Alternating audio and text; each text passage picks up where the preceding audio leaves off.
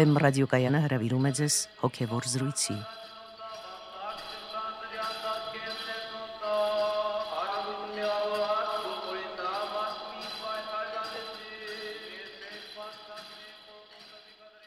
Սիրելի ունկնդիրներ, եթերում է հոգևոր զրույցներ հաղորդաշարը։ Ձեզ հետ է Մեսրոպ Քահանա Արամյանը։ Այսօրվա իմ զրուցակիցն է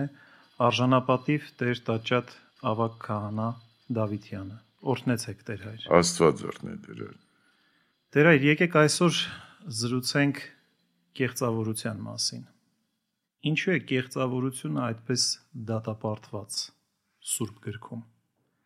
Տերը հաճախ ավետարանում իր հատկապես վայերի շարքում հիշում է կեղծավորներին, ասում է՝ «Վայ ձեզ կեղծավորներիդ»։ Եվ կարծեք ավետարանական խոսքերի մեջ, Տիրոջ ուսուցման մեջ հատուկ մի բան կա ընդդեմ կեղծավորության։ Կարծեք թե կեղծավորությունը դիտվում է որպես քրիստոնեական կրոնքի հոգևոր գիտակցության հիմնական թշնամին եւ հատկապես դա զգացվում է մեր Տեր Հիսուս Քրիստոսի վարդապետության մեջ։ Ինչու է այդքան վտանգավոր կեղծավորությունը եւ ի վերջո ինչ է կեղծավորությունը։ Արդեն գեղձավորության առաջին արարքը կտեսնենք առաջին մեղքին մեջը։ Երբ որ Ադամը եւ Եվան մեղանչեցին, առաջին բանը, որ ըրին փորձեցին բախվդիլ Աստուծո ներկայությունից։ Եվ արդեն անիգա իսկ գեղձավոր արարք մնե, որտեվ ով գրնա բախվդիլ Աստուծո ներկայությունից։ Աստված ամենուրեք է, Աստված գիտե թե ինչ կա մեր սրդին մեջը եւ հետաքրքրական է որ Ադամը ուզեց հանցանքը նետել Եվային վրա, Եվան ալ ուզեց հանցանքը նետել Օծին վրա եւ անագեղծավորությունը փոխանակ քաչապար ասելը այո ես էի հանցավոր գեղձավորը միշտ կուզե ծածկել ինքը զինքը եւ ասեմ որ արդեն ավետարանի մեջ է շատ հետաքրքրական որ Հիսուս այո ճիշտ է մեղքեր գտադաբարդ է բայց հadoop մեղավորը որ գտադաբարդ է միշտ գեղձավորներ եւ ոչ միայն գեղձավորը գրոնական գեղձավորը վայ ցեզ գեղձավորներ փարիսեցիներ եւ տբիրներ պետք է գիտնանք որ փարիսեցիները եւ տբիրները գրոնասեր մարդիկ էին եւ մեր Տերը անընդհատ նոր գտակարանի մեջ ավետարանին մեջ այսպես կքննադատեր այսպեսի գրոնասեր հավատացյալ գեղձավորներ օրինակի համար միտքես ամիջապես կուկա Փարիսեցի եւ Մաքսավորին աղոտկը որ երկուքը տաճարին մեջը գաղոթեին եւ Փարիսեցին պարկու դար Աստուծո որ ինքը այնչափ հավատացյալ էր այնչափ բարեբաշտ էր այն մինչդեռ Մաքսավորը գիտեր թե մեղավոր էր եւ իր աչքերը չեր գնար վերցնել ալմիանը սա դեր կավյազիսս մեղավորս եւ մեր դերը գսե երկրորդը մեղավորը ավելի արտարացած գնաց դունը ինչու համար որտեւ գրոնա սերը բարեբաշտը որ գգարձե թե իր արդակին կորձերովը գգադարե իր հավատքի բարդականությունը շատ կտկարանա, շատ կթերանա, հավատքը ներքին իրողություն մնե։ Մենք Աստուծո հետ խաղ չենք խաղար։ Այսինքն եթե շիդակ շարժումները ինչպես շախմատի մեջ եթե շիդակ շարժումները անենք խաղը պիտի շային այդպես հավատքը խաղը չէ ուր որ ասանք շիդակ շարժում պետք է նենք որպեսի խաղը շահենք այլ ընդհանրակը հավատքը բոլորովին անցնա նվեր կորձողություն մնե որ մենք մեզ աստուծո պիտի ընծայենք մեր հոգին պիտի զոհենք մենք մեզ եւ ասոր մեջ մասնագի զոհողություն մի չկա գեղձավորը գարձե թե ինքը եթե մի քանի արարքներ անի ուրեմն աստուծո հադուցում տված է ոչ աստված մեր ամբողջ էությունը գուզե եւ եթե մինչեւ որ մենք պատրաստ չենք այդ էությունը դալու աստուծո հերու ենք իր մեջ այլ գբահվդինք իր ներգայությունից։ Օրինակ համար հիմա միտքս կուկա Աբելի եւ Գայենի պատմությունը։ Աստվածը սավ Գայենին, ուր է քո եղբայրդ։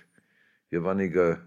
գեղձավորությամբ կսե միթե ես իմ եղբորս բահագնեմ ինքը որը սպանեց իր եղբայրը ուզեց ծածկել գեղձավորը ասեմ քեզի գծածկե իր սրդին մեջ եղածը գարձելով թե եթե այս ինչ արարքներն է օրինակ համար եթե բաս բահե եթե աղոթե օրը 7 անգամ եթե այսպիսի արդակին կորձողություններն է արդեն աստուծո գամքը գադարած եղած կլա բայց այդպես չէ երբ որ կմգրդվենք քահանան քավորին գահարցնի երախայս զինչ խնդրի այսինքն անոր պիտի մգրդվի ընձայալ ինչ կխնդրե եւ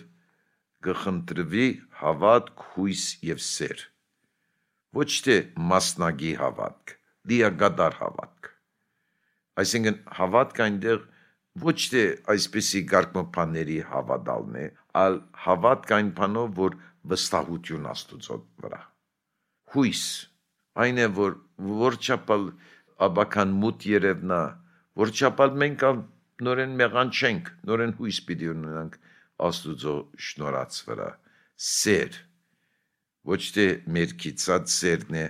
ալ աստուծո նման սեր այդ զոհողական սերը եւ ասոնք մասնագի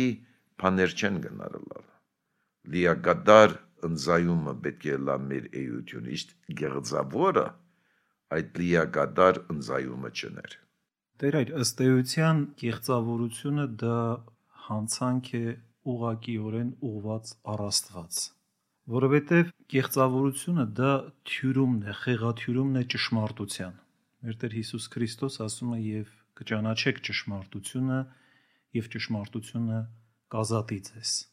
Մի տեղ էլ ասում է որ ես եմ ճշմարտությունը Այսինքն Աստուծո ճանաչողությունը, Աստծո լիակատար ճանաչողությունը ազատագրում է մեզ մեղքի կապանքներից։ Այստեղ կեղծավորությունը արդեն մեկ այլ դիմակով է հանդես գալիս, որպես Աստուծո ճշմարտության կամ առհասարակ Աստծո էության կապկում, կեղծում։ Պատրանքային վիճակներ տալ մարդուն, միմիայն մարդուն շեղել ճանապարից։ Եվ մենք պետք է նաև նկատի ունենանք, որ ինքը կեղծավորությունը առանց ճշմարտության չի կարող գոյություն ունենալ, որտեվ 100%-անոց սուտ չկա, 100%-անոց կեղծիկ չկա։ Ուրեմն սա ճշմարտության վրա սերտաճած ինչ որ մի արտաքին պատրանքային վիճակ է, որով ճարը փորձում է մարդկանց ուշադրությունը շեղել բուն աստծուց, բուն ճշմարտությունից, հոգևոր խնդիրներից։ Այ կուզենայի սրա մասին խոսենք, կեղծավորությունը որպես ճշմարտության մերժում։ Այո, վերջի վերջո այնտեղ գուկա որ գեղձավորը գկարձե թե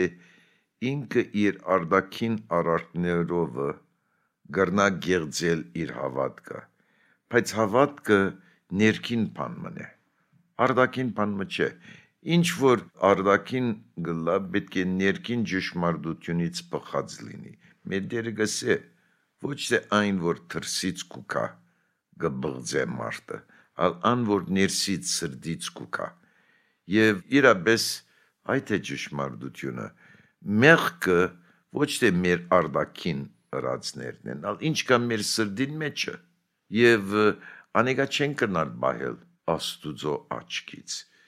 Ոևէ մեկը չի գիտեր, թե ինչ կա մարդուն սրդին մեջը։ Բայց Աստված միշտ գիտի։ Մենք կրնանք մարտիկ խապել։ Մենք կրնանք մեր արակներով ուրիշ մարտիկ խապեն։ Հոգ չէ թե ով լինիս դու, նույնիսկ գեղեցական լինիս, եւ դու գնաս խապել մարտիկ քեզ ցուցադրելով որպես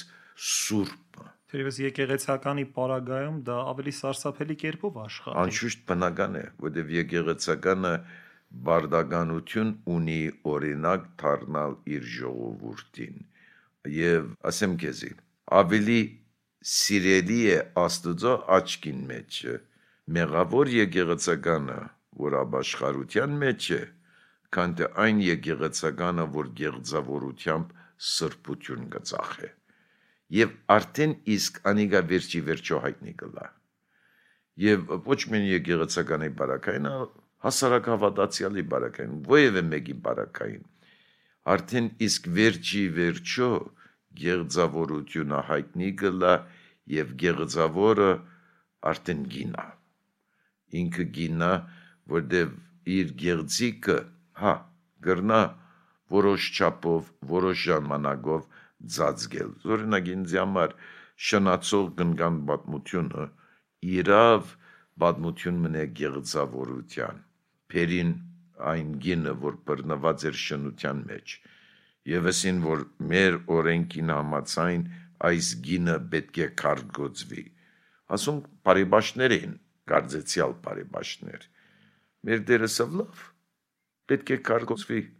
ով է առանց մեղք ծեր մեջը թող առաջին քարն է դե եւ ավիդարանը գսե որ չմնացին եւ պետք է սեմանիգա ոչ միայն Հիսուսի սիրուն մասին պատմություն մնե ամարտոց գեղձավորության մասին պատմություն մնե նույնիսկ անարակ որտի արագին մեջը երեց եղբորը թիրկը հանդեպ իր հորը գեղձավորի մտիրք էր ինքը ակնկալություն ուներ իր հորից ոչ թե իր հորը գծարայեր որպես սիրեցյալ զավակը ալ գծարայեր որտեվ ակնկալություն ուներ գեղձավորը այդպես է փուն հավատացյալը իրականին մեջ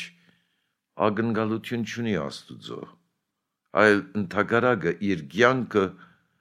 քողունակության կյանք մնե առաստված որ իր կյանքը պիտի ապրի որպես շնորհակալություն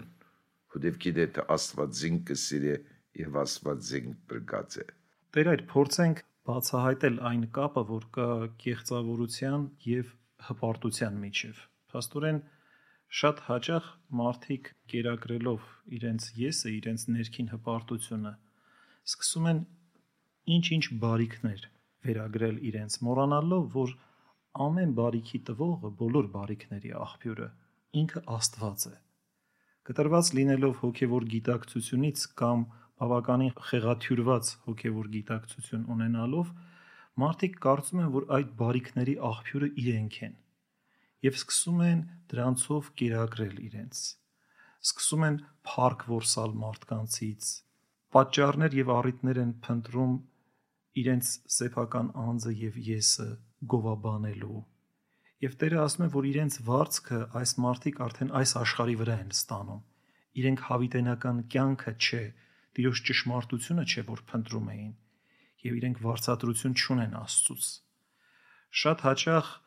մարդիկ սա անելով փորձում են առաքինի Երևալ, առանց մոռանալու, որ մարդու առաքինությունը առանց Աստուծո ոչինչ է։ Նույնիսկ բավականին խիստ խոսքեր կան Սուրբ գրքում գրված, որ մարդու արդարությունը դաշտանի լաթի պես է։ Սուրբ գրքում այսպիսի արտահայտություն կա արքայություններում։ Եվ շատ հաճախ մարդիկ կարճում են այսպիսի բաներից եւ մոլորվում եւ խոտորվում են ճշմարտությունից։ Փաստորեն հիմնական խնդիրը, որ մենք տեսնում ենք, դա մարդու հպարտությունն է, որը հիմնական կերակրողն է կեղծավորության։ Այսինքն մարդը հայտնվում է կեղծավորության այդ ցանցում, այդ ծուղակում, որը չարի կողմից պատրաստված է, եթե ինքը չափից ավելի շեշտադրումներ է կատարում իր եսի, իր անձնական հաջողությունների եւ այլնի վրա։ Եվ սա շատ հաճախ կատարվում է այսպես կոչված ճակերտավոր դրական իրավիճակներում, որովհետեւ այդ օրինակը երբ որ բերեցիք Փարիսեցու եւ Մաքսավորի, նա ով որ մեղքի մեջ է, թերևս այդ պահին ինքը ինչ որ չափով ազատագրված է կեղծիքից, որ ունի ապաշխարելու շատ կոնկրետ հնարավորություն։ Եվ շատ հաճախ կեղծիքի մեջ են հայտնվում այն մարդիկ, որոնք թվացial առաքինի են։ Շատ ճիշտ ասացիր, որ կեղծավորությունը եւ մեծամտությունը հբարդությունը համընթաց են, որ կեղծավորությունը եւ մեծամտությունը կամ հբարդությունը համընթաց են։ Օրինակ համար հբարդության հագարակը ինչ է։ Խոնարհություն։ Գեղձավորը խոնար չի գնալ լինել։ Նույնիսկ եթե փորձե խոնար ըլլալ եւ գեղձավորը երբեմն գործե խոնար լինել գոնե երևնալ իր խոնարհությունը հայտնի է որ թերասանություն է այս հբարդությունը, որ մարդուց մեջ գա եւ մեր բոլորիս մեջ ալ գա այդ մեծամտությունը մեզ կտանի գեղձավորության եւ պատրաստ ենք թադաբարդելու ուրիշներ, որ մեզի պես մեր չափ բարեբաշ չեն։ Եվ ադոր համար Քրիստոս միշտ կթադաբարդեր անոնք, որոնք ինչպես է սիր, իրենց վարծադրությունը ըստացեր են այս աշխարհի մեջ ես անգամ մի թաղում իմ ներգայեի ուր որ մայրը իր զավակը գործուն ցուցած էր եւ սուքի մեջ էր լացի մեջ էր գուլար գվող բար հետո մեմը հյուրմը եկավ մեմը գեցավ թաշկինակը վերցուց իր աչքից նայեցավ թե ով գուկա լացը գեցավ գոցը գեցավ հետո նորեն հետ կնաց լացին եւ գոցին ուզեց գիտնալ թե ով էր հոն Ինձ համար ասիկա գեղձավորները այսպես են։ Հա, ով է նայում ինձի իմ աղոտքիս մեջը, դերս ինչպես կաղոթեմ, Աստուծո արջև կանգնած եմ, ցերկս բարձրացուցած եմ, եւ այն մարդը, որ խոնար է, գիտե թե ինքը Աստուծուց հերու է։ Եվ միայն խոնար մարդուն սրդին մեջը գա Աստուծո շուկը Գեղձավորը իրականին մեջ իր վարձատրությունը ստացել է, որտեղ իր հավատքը, իր բարեբաշտությունը արծույց մարդկանց է։ Եվ ինքը այս աշխարհի մեջ իր վարձատրությունը ստացել է։ Բայց խոնարը գիտե որ բնավ արժանի չէ Աստուծո սիրուն։ Բայց խոնարհությամբ շնորհակալ է։ Հետո նաև գեղձավորը, եւ ասեկա շատ կարևոր գետ բնե կգարձե թե ինքը իր բարի գործերով, իր արակներով գրնա բրգություն ապահովել ինքն իրեն համար։ Բայց բրգությունը Աստուծո ծրի նվերն է։ Եվ բրգությունը կդրվի մեզի Աստուծո գոմից, եւ մենք միայն մեկ բան կրնանք կնել, անալ խոնար հավատքով ընդունել այդ բրգությունը։ Եվ անշուշտ մեր հավատքը հայտնի գլա մեր բարի գործերով, այսինքն մեր բդուղով, մեր դերը գսե զարմը կջանցվի իր բդուղից։ Եվ այսպես գեղձավորը պետք է սեմ գեղձիկ թրած է իր հավատքին վրա, իր հույսը գեղձիկ է եւ իր սերը գեղձիկ է։ Եվ պետք է սեմ որ արդեն գեղձավորը հայտնի գլա, որտեղ միշտ թադողական է, միշտ ուրիշներ կթադաբարդ է բայց փուն խոնարը ան որ անգերձ է իր հավատքին մեջը միշտ ներողամիտ է միշտ հասկացող է եւ ինձ համար այս գեդին մեջը պետք է ասեմ եգիպտական հայրերը շատ կարևոր են անաբադական հայրերը սկսելով Սուրբ Անդոնեն եթե գարտաս անոնց կյանքերը եթե գարտաս անոնց սացները իրենք միշտ ներող անձեր են։ Գեղձավորը ներող չի գնալալ։ Այսինքն եթե գսե գներեմ քեզ միշտ յետևը կփակցնեմ, բայց չեմ գնար մորնալ։ Բայց իրականին մեջը ներելը մորնալն է։ Աստված մեզ գներե մորնալով մեր հանցանքները։ Վերեր դուք շատ ճիշտ նկատեցիք, որ կեղծավորության այդ հոգեբանության մեջ բավականին լավ աճում է, պարարտ հող է դա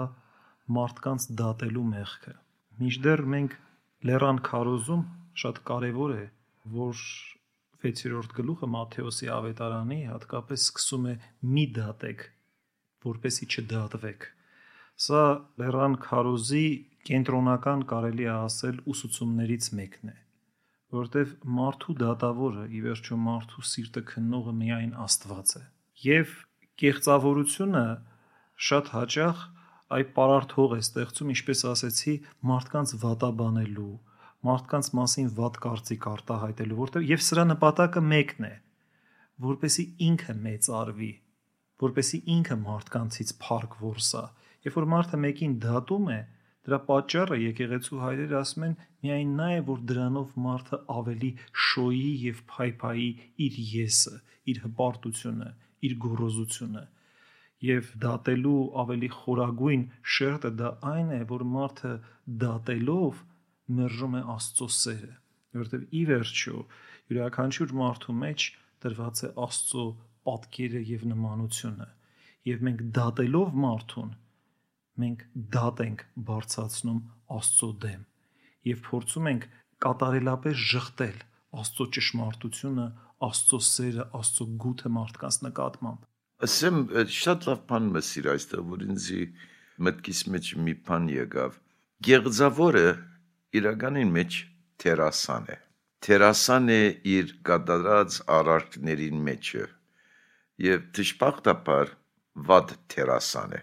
որովհետև գեղձավորության այդ թերասանության մեջը իր գեղձիկը հարաճ կուքա լավ պատմություն մը գիտեմ որուն համացայն մի լավ թերասանմը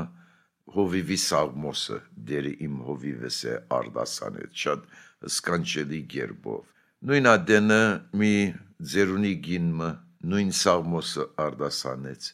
մարտիկ լացան եւ ասին ինչ է տարբերությունը եւ թերասանը ըսավ թե ես թերասան եմ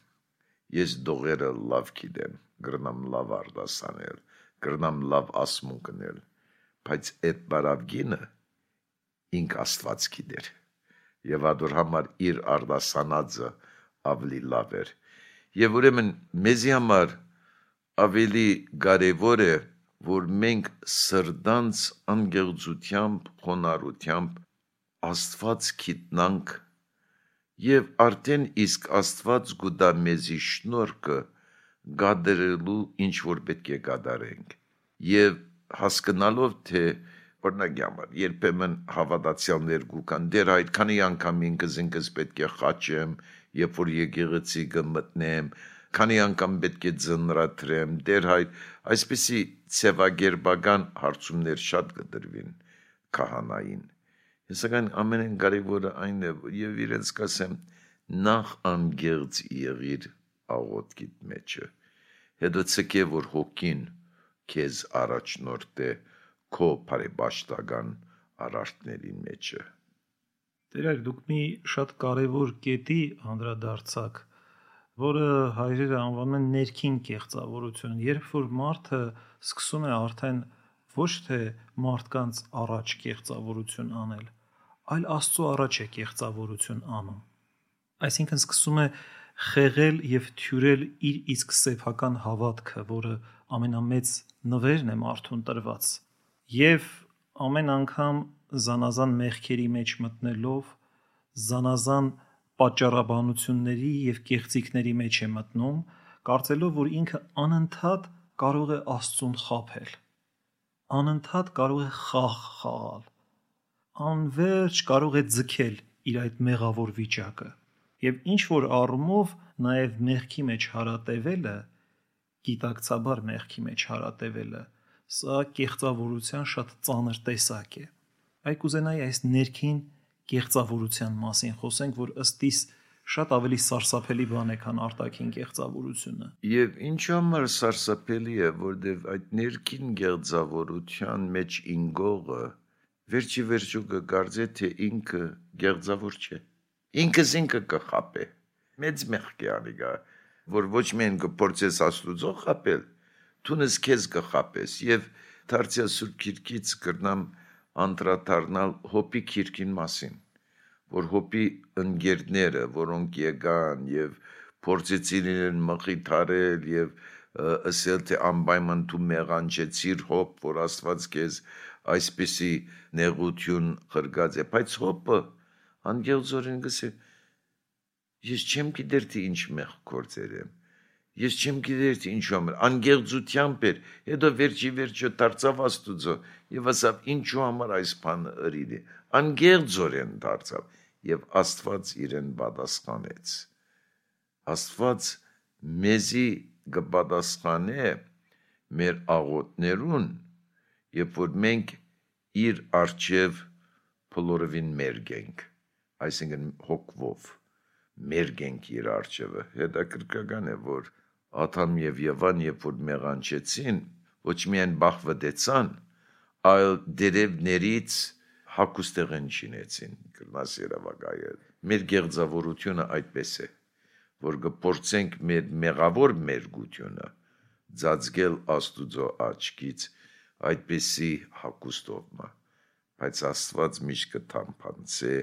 մեր գեղձավորության եւ գիտե թե ինչ կա մեր սրդերին մեջ։ Տեր այր մենք տեսնում ենք, որ ընդհանրապես այսօր աշխարհը հետզհետե թաղվում եւ խորանում է կեղծիքի մեջ։ Մարդկային հարաբերություններն են խեղաթյուրված, երջանկության գիտակցությունը, չափանիշները կյանքի, արժեքային համակարգերը։ Այսօր փաստորեն մարդը ընդհանրապես, ասենք իր կյանքում ստիփած է շատ դեպքերում կեղծավորել շատ դեպքերում ձևերի, ձևապաշտությունների, արտաքին երևույթների մեջ մտնել։ Կարող ենք նույնիսկ ասել, որ այսօրվա մարդու գիտակցությունը ընդհանրապես ձևավորվում է բավականին ակտիվ կեղծավորական ճնշման տակ Այսինքն մարդը ստիպված է շատ դեպքերում կեղծավորել զուտ արտաքին հանգամանքներով, որովհետև շատ հաճախ ասենք անկեղծությունը եւ այլն արդեն դառնում են անընդունելի կատեգորիաներ՝ པարզությունը, խոնարհությունը, ազնվությունը եւ այլն։ Այսօր մի մոդել է, այսպես ասած, ամբողջ աշխարհով մեկ կիրառվում, այսինքն բոլոր մարդկանց փորձում են այդ մոդելին մոտեցնել, ճարպիկ, գործարար խափեբա եւ այլն ճակերտավոր այս երջանիկ մարդու մոդելը մարդը կարող է առանց այդպիսի բաների իսկապես երբ որ մարդը անկեղծ է իսկապես հասնել երջանկության Տեր հայր ես ուզում եմ սրա մասին խոսել որովհետև շատ հաճախ մարդիկ կարծում են թե խոնարհությունը սրբությունը աստվածպաշտությունը դրանք թուլություն են գեղձավորությունը կնմանի այն դունը որ գշինվի ավազի վրա արդեն գեղձավորը ճունի հավատքի խորքը եւ երբ որ բնականաբար կյանքին մեջ փոթորիկների բիդե հանդիպենք եւ եթե գեղձավորը այդ գեղձավոր հավատքով է ապրում երբ որ փոթորիկը կա արդեն կքայքայվի նայիր ինչ բադայեցավ Հայաստանում 20-ական եւ 30-ական թվականներին երբ որ հալածվեցավ հավատքը Փառք Աստուծո կային անոնք, որոնք ամուր մնացին իրենց հավատքին մեջ։ Սակայն ժողովրդին մեծ մասը անասված դարձան։ Համոզվեցան, անասված դարձան։ Եվ նույնիսկ քահանաների մեջ, նույնիսկ բարձրաստիճան եկեղեցականներ ուրացան իրենց հավատքը կամ տարբեր ճանապարհների կացին։ Եվ նույն մարտիկը այսօր դարձեր են հավատացյալ այսինքն հավատքը ինչպես Վարդան Մամիկոնյանը ասավ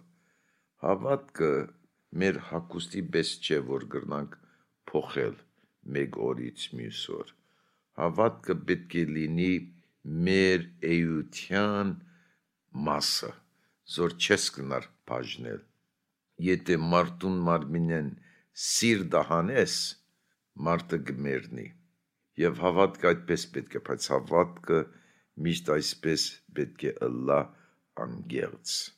եւ բան ամփոչ սմթը եկեղեցու գադարած առողությունները օրինակի համար աբաշխարության խորհուրդը որով մենք կհավատանք թե մարդուն մեղքերը կներվին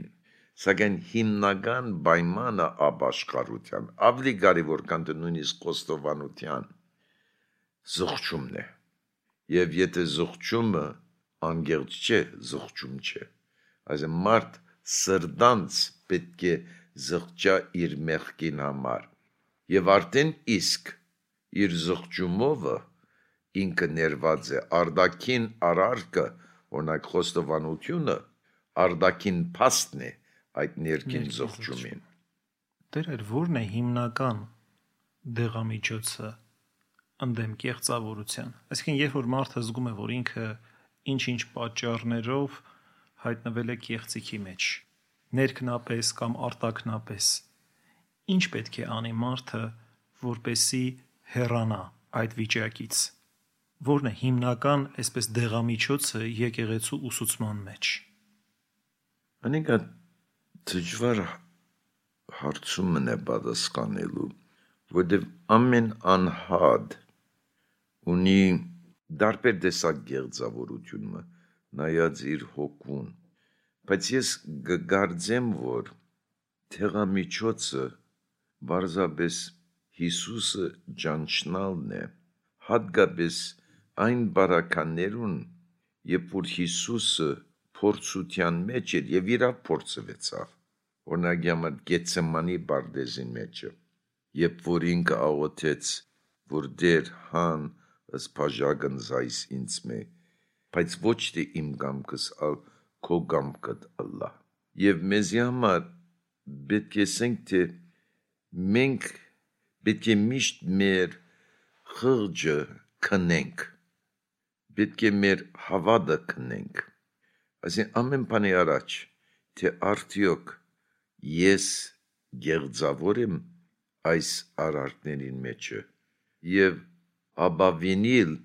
աստուծո դված ուղության այսինքն ոչ թե հուսալ սեփական արդարության վրա, այսինքն մի կողմ դնել այդ սեփական արդարության այդ պատրանքային գիտակցությունը եւ հույսը դնել Աստծո արդարության եւ ճշմարտության։ Այո, եւ մենք պետք է լսենք Աստուծո ցայնը։ Աթամին ըսավ ուր ես։ Նաեւ պետք է մենք անցամբ լսենք Աստուծո ցայնը, որ գսե դեր մեսրոպ ուր ես։ Դեր դաջad ուր ես եւ ինչ կրնանք պատասխան։ Մենք մեր առանցնության մեջ եւ Աստուծո պատասխանենք ոչ թե Ադամի պես եւ ասենք քո ցայնը լսեցինք եւ բախվեցանք, այլ ասենք դեր հոսենք, դգար, գեղձավոր, մեղավոր, բայց հոսենք։ Ինչպես ես կսիրեմ ավետարանի մեջը այն խոսքը, երբ որ հայրը կխնդրե Հիսուսի բժշկությունը իր զավգին համար եւ Հիսուս կսե եթե հավատասն է զավակդ կբժշկվի եւ հայրը գսե դեր կհավատամ օգնե իմ անհավատությունս անիգա ինձ համար անան քեղեցիկ աղոտ մնե եւ քանիցս այդ աղոտ կգրտնած իմ դեր կհավատամ քեզի օգնե իմ անհավատությունս շնորհակալություն Տեր հայր այս հոգեշահ զրույցի համար սիրելի ունկնդիրներ ձեզ հիշեցնում եմ որ հոգևոր զրույցներ հաղորդաշարի հյուրն էր Տեր տաճատ ավագ քահանա Դավիթյանը։